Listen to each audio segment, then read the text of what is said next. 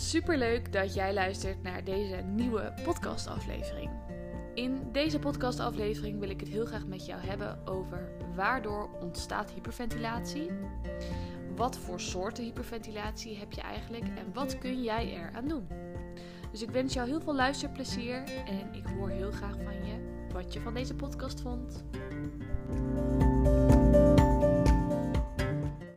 Yes, welkom bij weer een nieuwe podcastaflevering. Het is grappig, want ik begin nu net deze podcast en ik heb inmiddels door dat ik dus elke keer de podcast op dezelfde manier begin. Dus mocht jij uh, de andere podcast ook al hebben geluisterd, misschien herken je dan dat ik elke keer zeg: Yes. Dat is elke keer mijn start. Dus nou, ook bij deze, welkom. Wat een goede intro dit. Weet je gelijk dat ik uh, aan het oefenen ben om uh, mijn perfectionisme los te laten. Ik heb dat ook al gedeeld in, in een eerdere podcast. Dat ik er heel erg mee aan het oefenen ben. Dat ik niet continu um, mijn uh, playlist of mijn, de podcast op ga zetten. Op het moment dat ik denk, nou, dit hoort er niet in. Of dit, dit is niet goed genoeg. Um, dus ja, still going. Daar gaan we. In deze podcast wil ik het super graag met jou hebben over de oorzaak van hyperventilatie. Dus waardoor uh, heb je hyperventilatie? Wat is de reden dat je gaat hyperventileren? En um, vooral ook natuurlijk uiteindelijk, wat kun je eraan doen?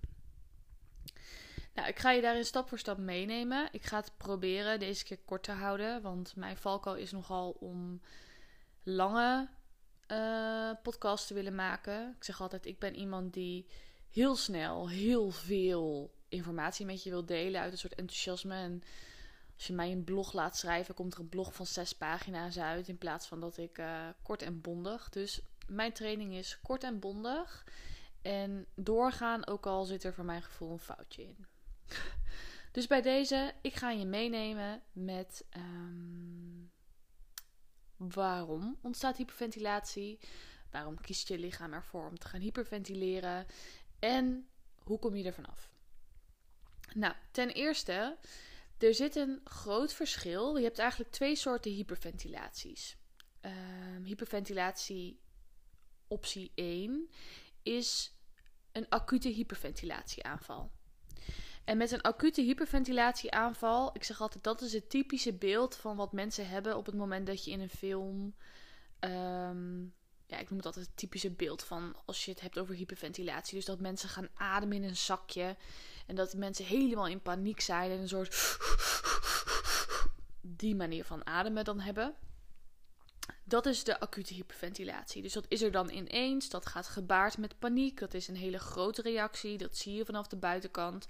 En de persoon die het ervaart, ja, die ademt gewoon hartstikke snel. Heeft vaak ook druk op de borst, tinteling in de arm. Heeft het gevoel dat hij of zij doodgaat. Um, dan kan er een ambulance gebeld worden. Nou ja, vaak is het een soort vicieuze cirkel wat je dan heel vaak hoort terugkomen. Daarnaast heb je ook de um, chronische hyperventilatie. En de chronische hyperventilatie is hetgene wat ontzettend veel mensen, uh, waar ontzettend veel mensen last van hebben, terwijl ze het niet eens weten. En daarmee bedoel ik Chronische hyperventilatie is eigenlijk niks anders als chronisch, dus de hele tijd, te veel ademen. Dus hyperventileren is eigenlijk hyper, is te veel, te vaak. Ventileren, ademen. Dus je ademt veel te veel, veel te vaak voor de arbeid die je levert. Nou, hoe je dat zou kunnen testen, in de zin van of jij hyperventileert of dat je te vaak of te snel ademt, is misschien wel een leuk testje voor jou om te gaan doen, is dat je gaat zitten of gaat liggen en dat jij een timer gaat zetten voor 1 minuut. En in die 1 minuut ga jij tellen hoe vaak je ademt. En dan wil ik je echt vragen om hem niet te gaan beïnvloeden. Dus ga maar gewoon eens tellen. Tellen hoe vaak je ademt um, in één minuut. En um, dan te observeren. Dus je hoeft niet langzamer of je hoeft niet sneller te zijn met wat er is. En dan ga je stellen uh, hoe vaak jij in- en uitademt. Dus een in- en een uitademing is één keer. En na één minuut schrijf je even op of onthoud je hoe vaak je hebt. Van nature is het namelijk zo dat op het moment dat jij zit of ligt, dus jij hebt geen fysieke arbeid, zeg ik altijd, dus jij je, zit, je ligt, je lichaam is in stilte. Een ademhaling die optimaal is, als jij je ook op dat moment rustig wil voelen, dan past een ademhaling van 6 tot 8 keer per minuut daarbij. Dus op het moment dat je zit of ligt, dat je dan rustig in en uitademt en dat je 6 tot 8 keer per minuut ademt. Adem jij vaker, dan betekent dat dat jij vaker ademt dan nodig. En dat jij dus te veel ademt voor de arbeid die jij levert. Dus ademhaling is energie. Letterlijk, je bent ooit begonnen met leven doordat je bent gaan ademen. Als baby deed je je eerste ademhaling en dat bracht jou helemaal, helemaal zo hier op de planeet. En hoe meer jij ademt, hoe meer energie jouw lichaam dus ook heeft. Dat betekent dus ook dat op het moment dat jij zit of ligt, maar je blijft energie pompen, als het ware, of tanken, maar je doet niks met die energie, dan wordt die energie opgestapeld. Dus je gaat als het ware, je hebt, jouw lichaam heeft te veel energie. En dat kan zich dus ook uiten in spanning of in een gejaagd gevoel of in hartkloppingen. Of dat je lichaam aangeeft van ja, hallo, ik voel me hartstikke onrustig terwijl jij zit. Dat heeft er dus mee te maken dat jij dus uh, te vaak ademt. Dus jij ademt te vaak voor de arbeid die jij levert. En dat noemen we chronische hyperventilatie. Hoe chronische hyperventilatie ontstaat, kan met verschillende oorzaken te maken hebben. In mijn praktijk, waarin ik ademsessies geef, uh, één op één. En uh, waarin, waarvoor ik volgende week, is eigenlijk wel fijn om even te benoemen ook, mocht je daar interesse in hebben. Volgende week geef ik een, uh, dat is op woensdag 19 april, geef ik specifiek een masterclass hiervoor. Een masterclass um, voor goed af van chronische hyperventilatie en ook paniekaanvallen. Dus mocht je allebei of van een van de twee last hebben, koop dan even een kaartje. Ik zal de link um, waar je het kaartje kan kopen hieronder ook even in de bio uh, zetten. En uh, mocht je niet live bij aanwezig kunnen zijn, je ontvangt altijd een replay. Dus die zou je ook nog eens kunnen luisteren. Uh, maar daar ga ik het ook met je over hebben. Waar wilde ik ook alweer naartoe met mijn verhaal? Oh ja, wat ik allemaal deed. Dit is mijn brein soms. Dan denk ik uit enthousiasme: oh ja, dat kan ik ook al vertellen. En dan ben ik mijn verhaal kwijt. Maar goed, oké. Um, één op één ademsessies, masterclass. En uh, daarnaast geef ik retreatdagen, uh, breathwork sessies online. En um, daarin zie ik dus dat er verschillende oorzaken zijn bij hyperventilatie. Dus laat ik het in deze podcast even specifiek gaan hebben over chronische hyperventilatie. Dus over acute hyperventilatie kan ik wel een andere keer een podcast opnemen. Maar deze keer ga ik het gewoon met je hebben over waar de meeste mensen last van hebben. En dat is chronische hyperventilatie. Um, hoe het komt dat jij last hebt van chronische hyperventilatie, kan dus afhankelijk zijn van verschillende factoren. Want ik zeg altijd: jij ademt zoals jij leeft. Jouw ademhaling doet niks anders als de hele dag anticiperen op wat je doet. Dus als je gaat rennen, gaat je ademhaling omhoog. Als je schrikt, gaat je ademhaling omhoog en, en, en stokt het. Als je lacht, hahaha, hele, hele net lacht is. Maar nou ja, goed, gaat je ademhaling ook anders. Uh, als je iemand ziet huilen, heeft iemand een andere ademhaling. Als iemand bang is, als iemand een orgasme krijgt. Nou ja, je kan alles wel bedenken. Alles heeft een andere ademhaling. Um, dit betekent dus ook dat jij mag gaan kijken op het moment dat je hier last van hebt en je hebt last van chronische hyperventilatie, dat je gaat kijken, maar wat wil die ademhaling mij eigenlijk vertellen? Want jouw ademhaling liegt nooit. Jouw ademhaling vertelt altijd hoe het daadwerkelijk met je is. Dus jij kan uren met je hoofd iets gaan bedenken wat niet zo is of het willen ontkennen, maar jouw ademhaling is altijd in het hier en nu en die zal jou altijd vertellen hoe het daadwerkelijk met je gaat. Dus als ik als ademcoach ook kijk en ik zie iemand voor mij liggen, dan kijk ik altijd naar hoe iemand ademt. Dus ik kijk altijd naar het patroon wat ik zie bij de ander. Dus hoe ademt iemand? Waarom? Omdat dat heel veel zegt over de patronen, de neigingen, uh, hoe diegene leeft.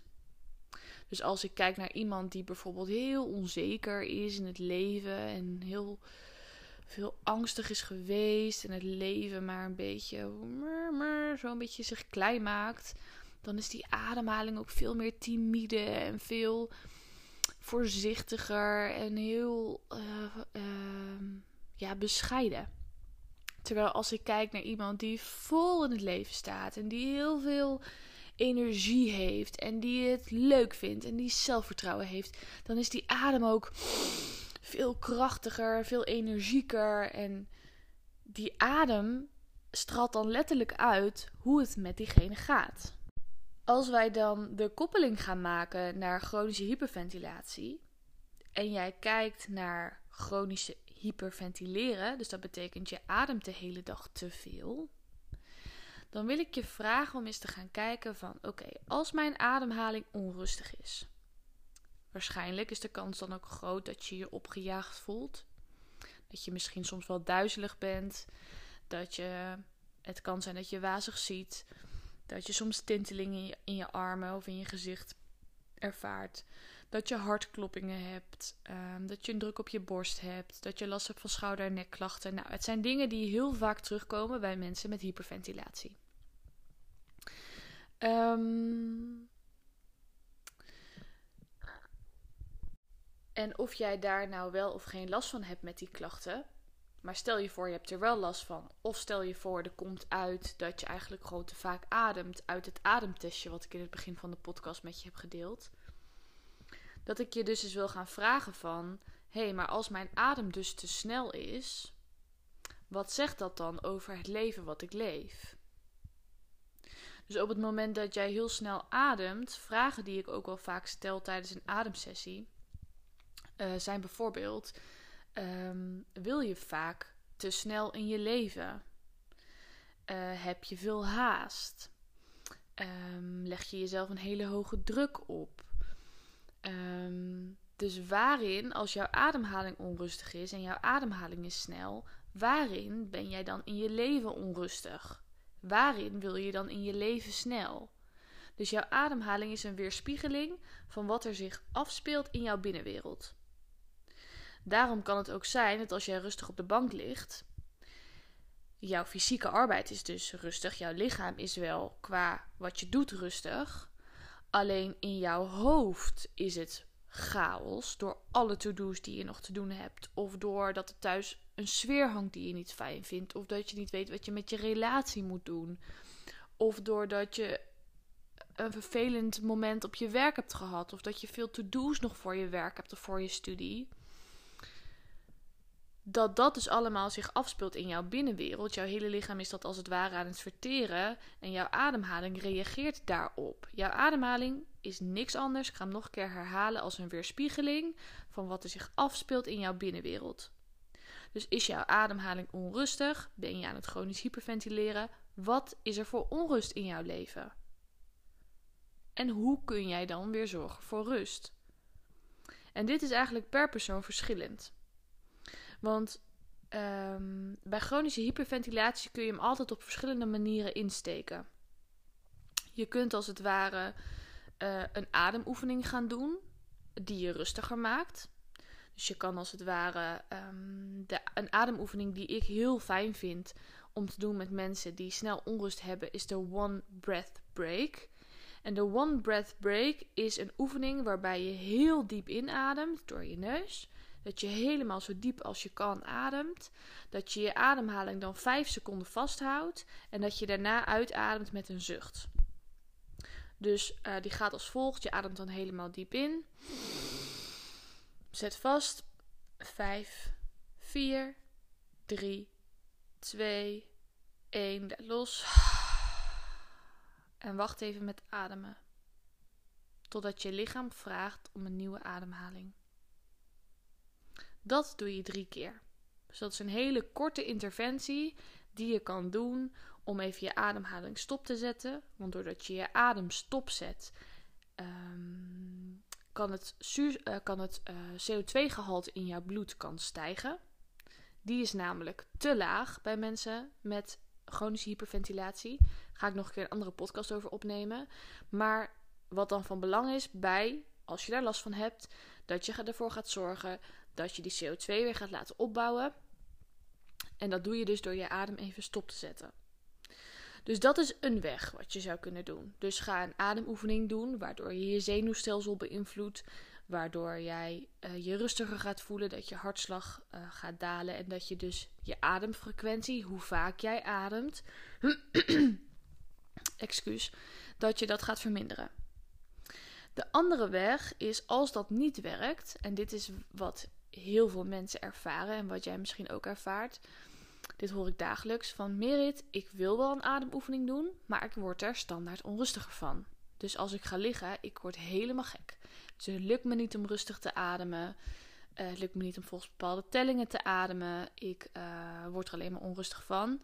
Dan zou ik je sowieso willen aanraden om niet uh, te willen gaan ademen volgens bepaalde hokjes. Dus niet 4 seconden in, 6 seconden uit, 4 seconden in, 6 seconden uit. Want dat is dan niet wat passend is bij jou. Dat is niet passend bij waar je zit op dit moment. Wat je wel zou kunnen doen, en daarvoor um, mag je mij ook altijd even een berichtje sturen op Instagram. Merit Huizing, dus dat is gewoon mijn naam.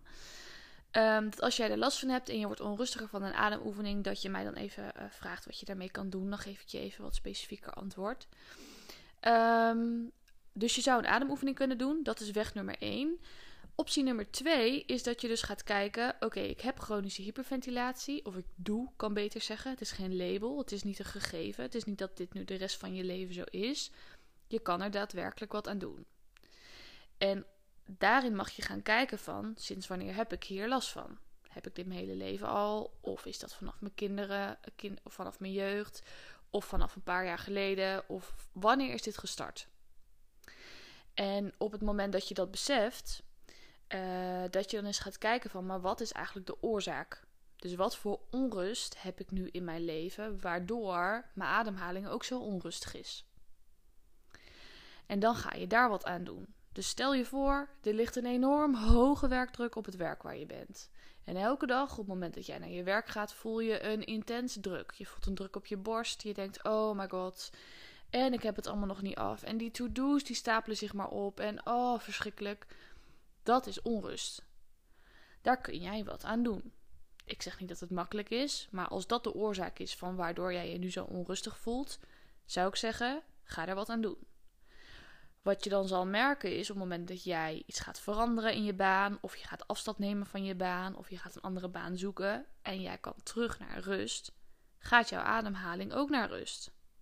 Dus het is altijd twee kanten op. Je kan een ademoefening doen, of je gaat de oorzaak van waarom jouw ademhaling onrustig is, daar ga je wat aan doen. Hier ga ik verder op in tijdens de masterclass. Dus volgende week woensdag geef ik een masterclass.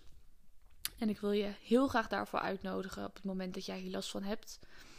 Um, omdat ik je zo graag wil meegeven, ook uit mijn eigen ervaring. Ik heb zelf last gehad van paniekaanvallen, van hyperventilatie. Um, mocht je mijn hele verhaal willen weten, luister dan even de eerste podcast. Wat is de belangrijkste tip uh, voor een goede ademhaling? Uh, maar ik gun het je zo erg dat je hier vanaf komt. Want ik zie zo vaak dat het zoveel invloed heeft op sociale contacten, op sociale activiteiten, angst voor wat er zou kunnen gebeuren. Uh, dagelijks vage klachten die de dokter niet kan verklaren, bloedprikken en er komt niks uit. En dat hoeft niet. Dat hoeft niet. Dus alsjeblieft, ga er wat aan doen. En ik hoop jij jou heel erg te zien uh, bij de masterclass van volgende week. Super fijn dat jij hebt geluisterd naar deze podcastaflevering. Ben je nou benieuwd wat ik voor jou kan betekenen? Of ben je benieuwd wat ik voor je bedrijf kan betekenen? Stuur me dan gerust even een berichtje op mijn Instagram merithuizing.nl of kijk even op mijn website www.merithuizing.nl.